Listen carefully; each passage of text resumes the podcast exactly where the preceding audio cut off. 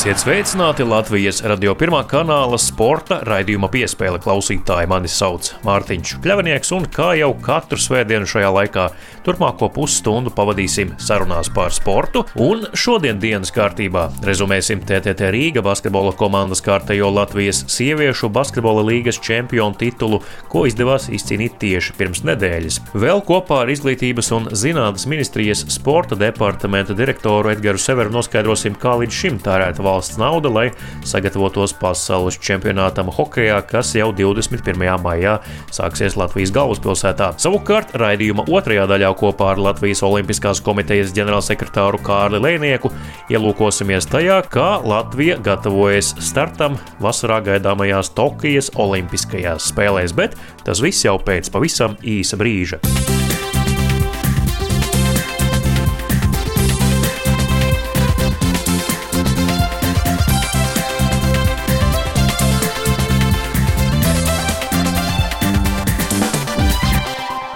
TTT Rīga basketbolistes pagājušajā svētdienā Liepājā guva uzvaru Latvijas sieviešu basketbola līgas finālspēlē un jau astoto reizi pēc kārtas virs galvām cēla čempionu kausu. TTT Rīga Liepājas Olimpiskajā centrā ar 85 pret 58 pārspēja vietējo komandu. Šī sezona komandai bija grūta gan koronavīrusa pandēmijas, gan dažādo spēlētāju traumu dēļ. Pirmā sezona dāmu basketbolā šī bija galvenajam trenerim Mārtiņam Gulbim, savukārt aizsardze Ilze Jākapsone šajā gadā vēlējās pierādīt sevi kā komandas līderi. Vai tas izdevās un kāds tad bija aizvadītās sezonas komandas ērkšķainais ceļojums, par to iztaujāju Ilzi Jākapsoni.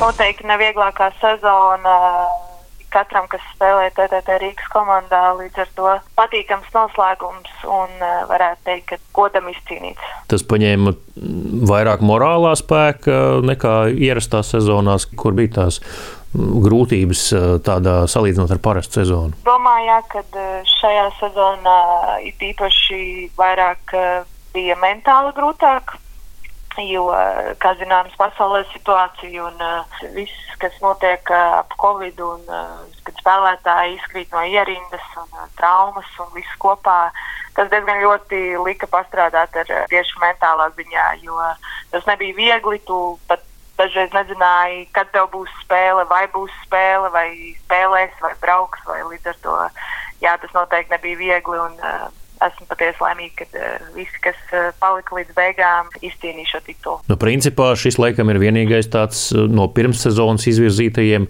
mērķiem, ko jūs piepildījāt. Jā, laikam tā varētu teikt. Līdz ar to tas varbūt arī tāpēc to vēl pat daļai pat saldāku padara, ka tomēr tas iekrita rokās un to jūs izcīnījāt. Jā, noteikti. Protams, mums bija daudz augstāki mērķi, bet uh, bija dažādas uh, grūtības sezonas laikā. Līdz ar to tieši tāpēc arī gribētu teikt, ka mēs tiešām izcīnījām šo čempionu titulu. Uh, jo arī Latvijas komandas uh, pārējās bija ļoti labi sagatavojušās un bija gatavas spēlēt. Līdz ar to Jā. Nu, skaidrs, ka TTT vienmēr visas pretinieces Latvijā vēlas iekost, bet uh, nu, šo sezonu laikam jūs tomēr bijāt tāds ievainojamāks. Jūti, ka tomēr tie zobi ir nedaudz asāki nekā citās sezonās salīdzinot, jo parasti jau jūs pārspēks bija galvas tiesa vismaz. Es domāju, ka jā, noteikti, kā jau es teicu, laikam arī manā profesionālās karjeras uh, laikā šī bija sezona, kur uh, ļoti daudz spēlētāju izkrita ārā. Un, Kā zināms, no mūsu ārzemniecēm tikai Jessica varēja piedalīties uh, fināla turnīrā un spēlēt lielāko daļu visu spēli. Līdz ar to bija palikuši pārsvarā mēs latvietis, uh, arī kuras bija daudz traumētas, arī mūsu kapteinis Ajucīts, uh, viņai cepur nost par to, ka viņa palika ar mums līdz beigām un cīnījās kaut arī caur sāpēm. Un, jā, nu, es mums bija daudz jaunas spēlētājas, un uh, varbūt pat uh, brīžiem uh, mēs ne ar ko neatšķirāmies no citām Latvijas komandām. Jā, es esmu ļoti lepna par savām meitenēm, un uh, tiešām paldies viņām par to. Pastāst, varbūt, uh, droši vien, ka ar humoru pieskaņu uztver šo jautājumu, bet tomēr pastāst varbūt arī ar kādu daļu nopietnības, kā ir, kad priekšniece ienāk ģērbtuvē un tagad uzvelk formu un kļūst par spēlētāju sezonas vidū. Protams, eh, tas bija citādāk, un, kā jau tu saki, tā ir mūsu prezidente. Un, uh, varbūt druskuļi savādāk, bet uh, Gunte ir atvērts cilvēks, un uh, viņa ir bijusi spēlētāja. Es uh, domāju arī, ka uh, viņa vēl joprojām ir spēlētāja un vairāk jutās kā mūsu komandas biedri nekā kā mūsu uh, prezidenta vai priekšniece. Līdz ar to ļoti nevarēja izjust. Tā nebija, ka mēs nācām uz ģērbtu ar domu, ka uh, nu, jā, tā ir mūsu priekšniece un mm. tā tālāk. Tā kā viss bija kārtībā tajā ziņā.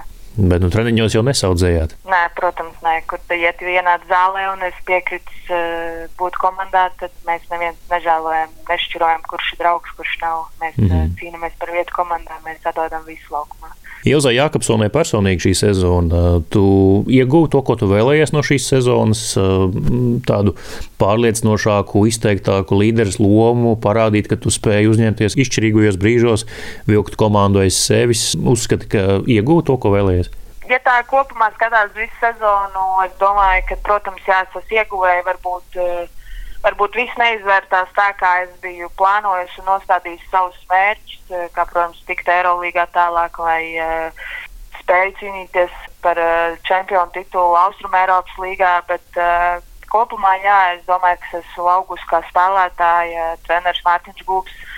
Ļoti daudz lietas iemācīja man un arī izmainīja dažas lietas, pie kurām es strādāju ilgi, bet nespēju viņas parādīt laukumā. Līdz ar to uh, paldies viņam. Un, jā, es domāju, ka tas noteikti esmu iegūs daudz labas lietas šajā sezonā. Dienu pēc sezonas noslēguma vispār ir vērts jautāt, kur tu tēmē nākamajā, vai par to tu šobrīd pat neesi iedomājies? Pagaidām uh, laiks uh, salikt uh, drusciņu emocijas pa plauktiem, jo, kā jau minēju, tas šī sezona nav bijusi viegla un uh, Līdz ar to gribās, lai druskuļi emocijas norimās, eh, lai varu visu salikt kārtīgi pa vietām un tad uh, skatīties nākotnē, kas un kā.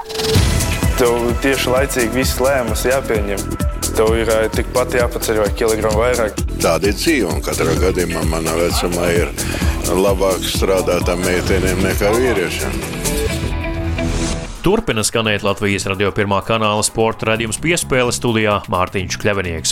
Pasaules čempionāts hokeja šogad atkal notiks Rīgā pēc 15 gadu pārtraukuma, un šoreiz spēles notiks divās hallēs - Arēnā Rīga un Rīgas Olimpiskajā sporta centrā, kur futbola zālē vietā jau slēdzas hokeja laukuma borti un uzsaldēts vienu centimetru biezs ledus slānis. Pamatīgas bažas gan rada nepabeigtā Daugavas stadiona ledus halle. Tajā jānorisinās visu komandu treniņiem treniņiem gan pirms čempionāta, gan arī tā laikā. Šo piekdienu bija paredzēts hali nodot eksploatācijā, tomēr tas neizdevās, un būvnieks cer, ka to izdosies izdarīt nākamajā nedēļā uzreiz pēc valsts svētkiem. Par to, kas runāts šonadēļ notikušajā rīcības komitejas sanāksmē, vairāk jums tūlīt pastāstīs Izglītības un zinātnes ministrijas sporta departamenta direktors Edgars Severs.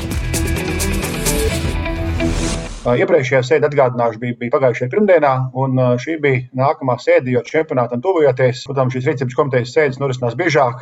Tad šajā rīcības komitejas sēdē piedalījās arī premjerministrs Krišāns Kariņš. Tiek skatīts status ziņojums jau par paveiktiem un turpmāk plānotiem organizatoriskiem darbiem. Un šeit Hokeja federācija pamatā uzsvēra divas lietas. Kad ir šīs imstūras aspekts, kas ir izšķiroši svarīgs, jo spēlētāji tam hokeja spēlē sacensību arēnās un treniņu hallē, kur trenējās. Otrs šis drošības aspekts, šis Covid protokols, kā arī citi organizatoriskie jautājumi. Un tas, ko Hokeja federācija informēja, ka attiecībā uz šo sportisko pusi viss ir vislabākajā kārtībā, ir ļoti cieša sadarbība starp Hokeja federāciju, visām iesaistītajām institūcijām. Un šeit nav nekādu mazāko šaubu, ka mēs būsim izcilā un teicamā līmenī. Attiecībā uz infrastruktūru tālāk tiks skatīti jautājumi, kas skar arī Rīgu, Olimpisko sporta centru un Dagostonu. Arī tur tika šie jautājumi skatīti, un arī tur attiecībā uz arēnu Rīgu nekādi jautājumi nav, jo šī arēna ir jau pielāgota jau no tās būvniecības brīža. Hokejam attiecībā uz Olimpisko sporta centru tika uzsvērts, ka ļoti īsā laikā ir izdevies paveikt visus paredzētos darbus, kas bija paredzēts pēc plāna, atbilstoši atsevišķās pozīcijās pat šo, šo grafiku apsteigt ir jau uzsaldēts ledus viena centimetra biezumā Olimpiskajā sporta centrā, un tur šis process tālāk turpinās. Un īpaši tika skatīts jautājums, kas skar arī Daugavas ūdeni infrastruktūru, un šeit tika paustas bažas no Hokeja federācijas puses par šiem darbiem, par to aizkavēšanos faktu. Attiecībā uz ledus jautājumiem, tad, lai objektu eksploatācija nodotu, ledus nav nepieciešams, bet jābūt visām iekārtām pārbaudītām tādā gatavībā, ka viņas var nodrošināt šo ledus saldēšanas procesu. Attiecībā uz ledus saldēšanas procesu Daugās dienā tika uzsvērts datums 11. un 12. maija, kas ir faktiski pēdējais termiņš datums, kad Daugās dienā ledus hallē jābūt atbilstoša biezuma ledumu, kas ir vismaz 5 centimetri. Kā jau iepriekš teicu, Bospils norisinās katru dienu. Šī kontrola objektā notiek nepārtraukti. Nākamā rīcības komitejas sēde būs uzreiz pēc svētkiem, es nākamajā darbdienā, vēl pēc tam 6. maijs, kas skar Covid protokolu šajā sportiskajā pusē no tāda viedokļa šie sarkanie burbuļi, citkrāsas burbuļi, viss testēšanas algoritms, ierašanās process, pašizolācijas dienu skaits. Tas eh, viss ir sagatavots no IHF puses un Latvijas Hokeja federācijas puses. Eh, ir eh, ņemta vērā arī mūsu epidemiologi, gan SPKC, Veselības ministrijas ekspertu ieteikumi, un šis protokols ir pilnveidots un faktiski jau tādā apstiprināšanas beigu stadijā. Kā piemēram, jauna lieta, ko šoreiz arī pieminēja mūsu, mūsu Hokeja federācija, kad IHF ir pieņēmusi lēmumu, ka spēlētāji dzīvos numuriņā pa vienam. Visas šīs izmaksas, kas ir saistībā ar papildus numuriņiem un viena ir papildus viesnīca, lai to visu nodrošinātu, sadz IHF. Tās nav Latvijas valsts budžeta izmaksas, jo šīs izmaksas ir sākotnēji bija paredzēts no IHF puses. Jautājums, kas arī daudz laika tika veltīts, ir attiecībā uz iespēju skatītājiem klātienē apmeklēt čempionāta spēles. Un otrs ir iespēju līdzdējiem čempionāta spēļu translācijai vērošanai ārtelpās. Tad Hokeja federācija bija saruna ar Veselības ministrijas SPKC speciālistiem, bet uzreiz saku, gala lēmumu nav pieņemti. Tāds kopējais rīcības komitejas viedoklis un arī premjera kungu un Veselības ministra viedoklis ir, ka joprojām šis pamatscenārijs, un tā ir, ka pamatscenārijs joprojām ir, kad čempionāts Latvijā norisināsies bez skatītājiem. Gala lēmums tiks pieņemts protams, valdības līmenī laika posmā sākot no 10. maija. Tas varētu būt 11. maija valdības sēde, kas ir pēc būtības nākamā valdības sēde. Un tikai būtiski uzlabotajai situācijai varētu tikt jautājums skatīts. Bet faktiski rēķinamies, ka skatītāji čempionāta laikā vēros čempionātu attālināti. Edgars pastāstīja, respektīvi, vai tā tas arī mehāniski būs, ka šie 183 tūkstoši par pusgadu kongresu tiek atmaksāti, Un tad uh, Hokeja federācija iesniedz pieprasījumu par apdrošināšanu, lai valsts to apmaksā no līdzekļiem neparedzētiem gadījumiem. Jā, Mārtiņ, tiešā veidā, protams, tiešā veidā tas arī norisināsies. Un šeit ir arī juridisks iemesls, jo šie līdzekļi tika piešķirti 2019. gadā ar konkrētu mēķi šī pusgada kongresa organizēšanai. Un saskaņā līguma nosacījumiem Hokeja federācija izpildīja šīs saistības un šos līdzekļus pārskaitīja Startautiskajai Hokeja federācijai. Tur ir vēl bija tā nianses, ka tā, tā summa, kas tika aizskaitīta IHF, ir 156,244,30 eiro.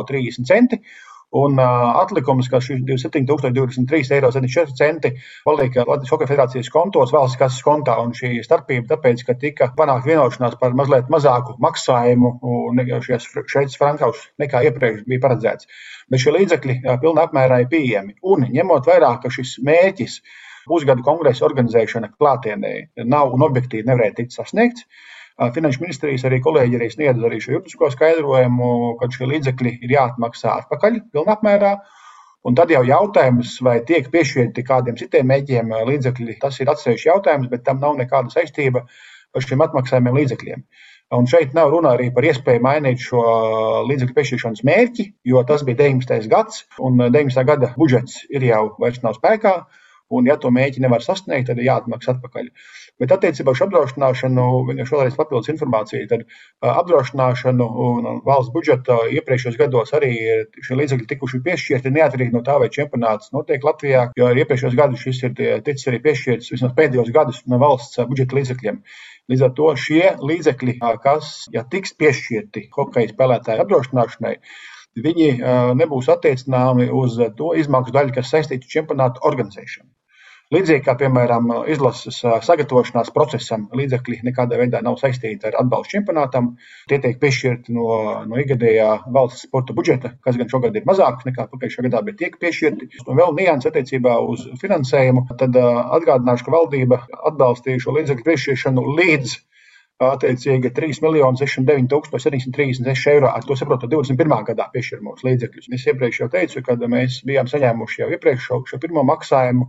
Tagad nav priekšā, bet bija mazliet virs 1 miljonu eiro, kas jau tika šis finanšu pieprasījums izvērtēts un, un saskaņots. Un līdzekļu Hokeja federācijai jau pagājušajā nedēļā tika pārskaitīti. Un pagājušajā nedēļā beigās mēs saņēmām jau otro finanšu pieprasījumu, kas arī ir izvērtēts. Un arī ir nosūtīts nākamais finansējuma pieprasījums Finanšu ministrijai par šo nākamo attiecīgi līdzekļu ieskaitījumu. Tie ir tie, kas mēs operējam ar, ar tiem līdzekļiem, ko valdība ir, ir rezervējusi. Un kāpēc šī procedūra samērā sarežģīta? Tāpēc, kad uh, valdības lēmumā bija šo summu rezervēt līdz konkrētam apmēram un maksāt pēc fakta. Piemēram, šis pēdējais maksājums, kas ir iesniegts šajā attaisnojuma dokumentā, ir saistībā ar Olimpiskā sporta centra jau nākamajiem paveiktiem darbiem. Jo tur nu, tiešām šis process, šī transformācija ir ievērības cienīga. Uz tā paša viļņa esot, Edgars, vai nekas nav mainījies, un arī IHF gada kongress notiks klātienē šogad šeit. Un, līdz ar to Edgars Bunds iepriekš teica, ka arī tam gal galā varētu provizoriski salikt kopā šos līdzekļus, kas ir piešķirti šī gada kongresa rīkošanai tagad, un to naudu, kas bija iepriekš piešķirta pusgada kongresam. Ja reiz šī pusgada kongresa nauda tiek atmaksāta, tas nozīmē, ka viņiem tomēr rodas vēl lielāks rops, lai sasniegtu to vajadzīgo vajadzīgo naudas apjomu un sarīkotu IHF gada kongresu šogad klātienē. IHF kongresa jautājumu šajā rīcības komitejas sēdē atsevišķi skatīts netika, to skatīja iepriekšējā reizē. Raņā, tur ir šī pozīcija un šī virzība, ir, ka šis kongress norisinās klātienē. Ir jāatzīst, ka viņš atšķirās no jebkura cita tāda pasākuma. Šeit tas norisinās tā paša burbuļu ietveros, tā paša sacensību nolikuma un procesa ietveros. Tas norisinās līdz ar to tā ir daļa no pasaules hokeja čempionāta šīs fināla, saka, daļas no A grupas. Jo katrā valstī, kurā norisinās hokeja čempionāts, norisinās arī HF kongress. Attiecībā uz finansējumu kongresam, jā, Buļbuļskungs iepriekš tādas, šādu informāciju izsniedz, bet valdības pozīcija arī bija ļoti skaidra un iepriekš arī sniegta. Mūsu izmaksas čempionāta organizēšanai nepārsniedz noteikti limitu. Kongresa izmaksām bija konkrēts limits. Mēs joprojām ļoti stingri pieturamies pie šīs pozīcijas. Un iepriekš varbūt bija varbūt jautājums par šo papildus līdzekļu novirzīšanu, bet šoreiz šis jautājums nav dienas kārtībā. Un es pieļauju arī, ka varbūt tajā brīdī, kad Buļbuļs kungs šādu jautājumu arī aktualizēja, iespējams, bija runa par tādu konkrētu plašāku norisi, ka šajā reizē tas būs īpaši ekstra šie Covid protokoli un prasības. Kā IHF arī pārstāv teica, ka šis būs nesamērojams nevienu citu attiecīgi IHF rīkot pasākumu līdz šim. Līdz ar to noteikti arī tās, protams, ir ekstra izmaksas dēļ šīm Covid prasībām, bet vienlaikus noteikti nav kaut kādas nezinu, saviesīgie pasākumi, kas varbūt būtu citkārt šāda veida kongresos un pasākumos, tāpēc tās izmaksas. Bet nu, valdības pozīcija ir skaidra. Un uh, viņi pārkāpa šo summu, kādā ziņā tam, kas ir rezervēts, arī nepārsniegs.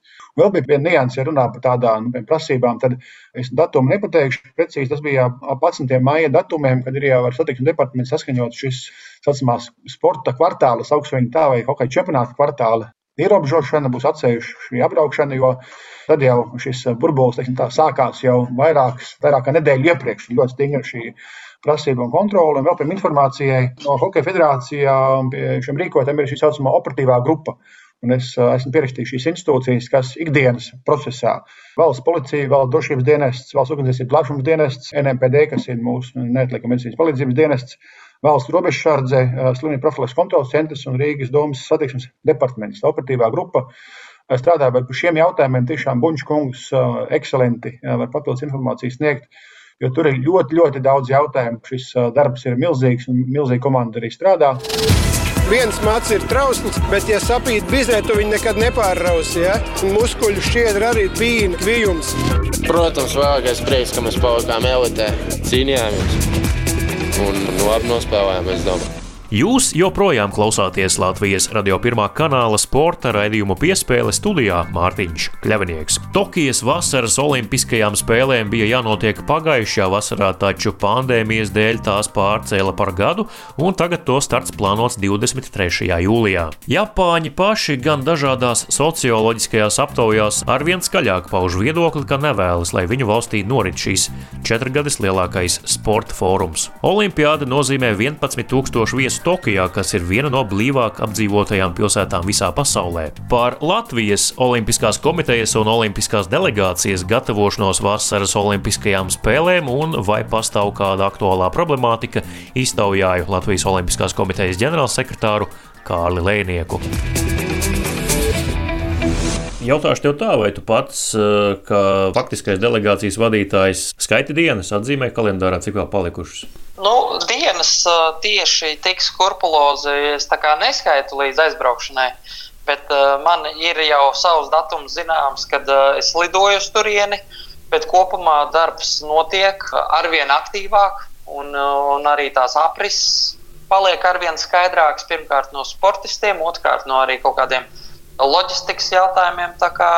Nu, esam jau tā, iegājuši jau tādā pamazām finiša taisnē. Atceros no laika, kad Žoržs vadīja delegācijas vairākus olimpiskos ciklus pēc kārtas. Viņš arī brauca iepriekš, tur pārbaudīja, vai viss ar numuriņiem kārtībā, vai būs kur dzīvot, vai apstākļi būs labi. Tavs iemesls nedaudz agrākai lidošanai uz turieni arī tāds pats? Es lidoju nedaudz agrāk, bet mani kolēģi un attiecīgi apkalpojušais tehniskais personāls un arī medicīnas personāls jau ierodās daudz ātrāk. Viņi būs pirmie, kas uh, dos precīzas ziņas par apstākļiem, jo es pats uh, ielidoju nedaudz vēlāk. Protams, visi ierodās laicīgi. Pirms ciemats ir atvērts, ciematu atver, un tad ir vairāk kā divas nedēļas laiks.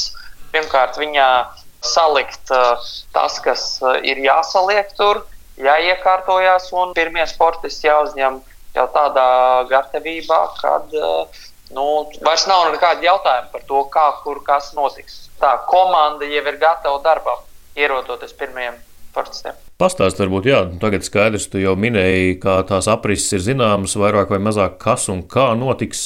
Būs tāda viena liela delegācijas daļa, kas lidos kopā uz Tokiju. Domāju, tāda viena liela Tas atkarīgs no startiem. Mēs dotajā brīdī nevaram pateikt, cik varētu būt lielākais sportistu skaits, kas varētu ielidot uh, vienlaicīgi. Jo dotajā mhm. brīdī mums kvalificējušies ir 12. Ir iesūtīts saraksts ar sporta veidiem, kuri attiecīgi sāk. Mums ir jāgaida komandas uh, dalībnieku paplašināšanās.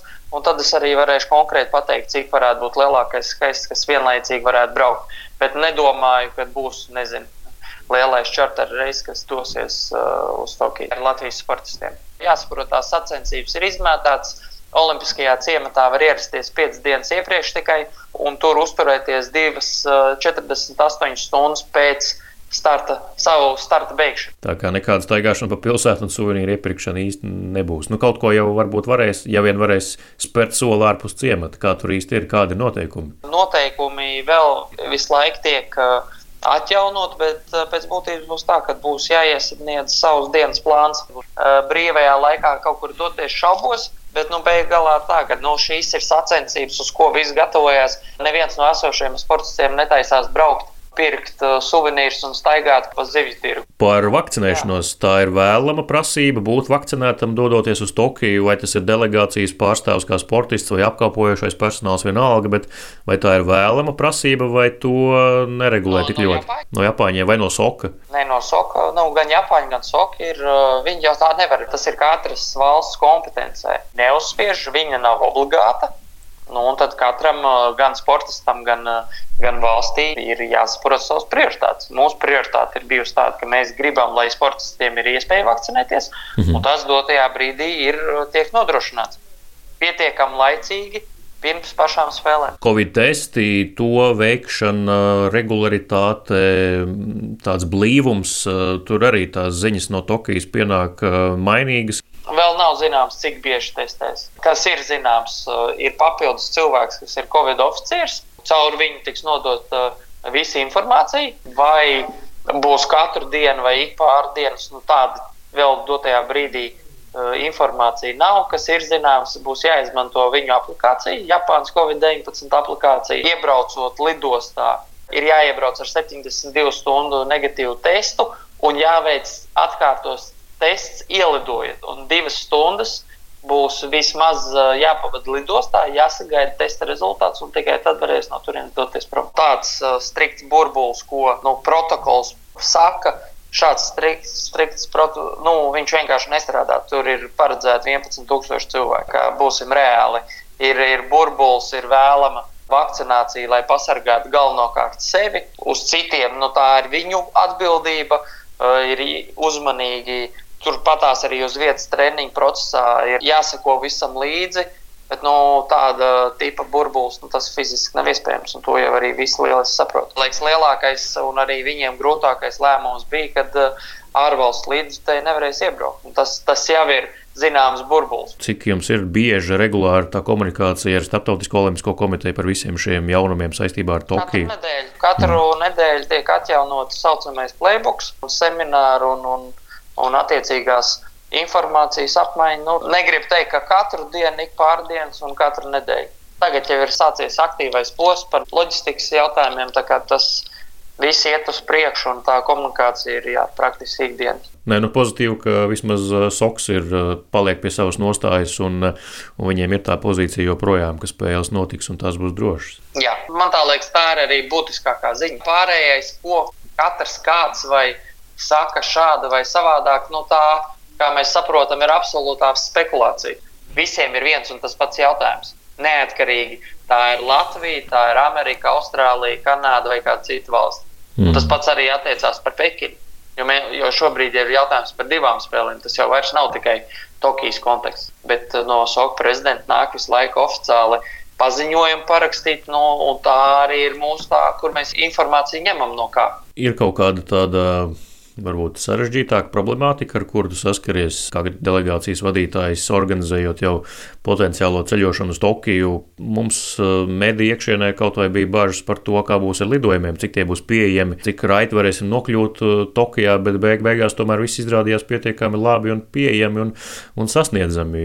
Jūsu gadījumā ir kaut kāda tāda loģistiska problemātika vai tur viss ir kārtībā? Protams, ir jārēķinās, ka būs kaut kādas aizķeršanās arī ar uh, avio biļetēm, kā pieņemsim. Tas ir risināms. Uh, nu, ko mēs varam pateikt? Visticamāk, tas būs dārgāk nekā mēs bijām plānojuši. Jo mēs plānojām nosacīti pēc oktobrī, novembrī nu, tad dotajā brīdī no tā plāna mēs iespējams kritīsim cauri, jo avio pārvadājumu arī tas ir cenas ir tikai gājušas uz augšu. Šobrīd pāragri šo jautājumu komentēt. Tās lietas, vai ir kaut kāda pārsteiguma, pārsteiguma dotajā brīdī, paldies Dievam, nav. Mēs strādājam, strādājam tālāk. Kāda ir tā jūsu šī brīža prognoze par to, kāds, cik skaitliski varētu būt liels delegācijas sastāvs? Nu, ik pa laikam izskan tie ap 30 sportistiem, kas vasaras spēlēs, ir pietiekami ierasts skaitlis. Ar cik jūs rēķinaties, cik varētu būt optimāli beig beigās? Es ļoti ceru, ka mums būs 50. Man atbild būtu tāda, ne, protams, reāli. Mēs gribam, lai pēc iespējas vairāk kvalificējās. Bet tā situācija, nu, plus mīnus. Uh, objektīvi skatoties, nu, varētu būt tie 30. Bet, nu, optimistiski skatoties, 35. Iespējams, vairāk tas jāsastāsta, kā mums veiksies 3x3, kā beidžu volejbolam, cik vēl pārkvalificēsies, kā mhm. vieglatlētiem veiksies, smaiļotājiem veiksies. Nu, tur ir ļoti daudz vēl starta priekšā.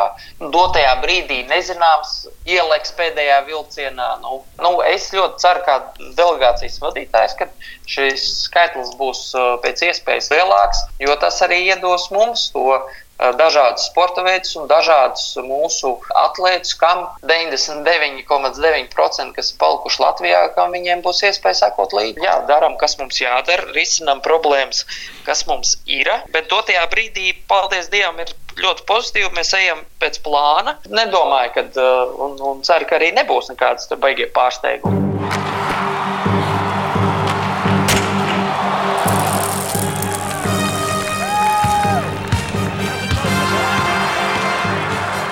Līdz ar to arī izskan šīs svētdienas sporta raidījums piespēle. To vadīju un veidoju es, Mārtiņš Kļavnieks, bet par labskaņu kā vienmēr parūpējās Nora Mītspapa. Vēl tikai atgādinu, ka raidījumu piespēle varat meklēt un klausīties arī jebkurā sev ērtā raidierakstu jeb podkāstu klausīšanās vietnē uz sadzirdēšanos.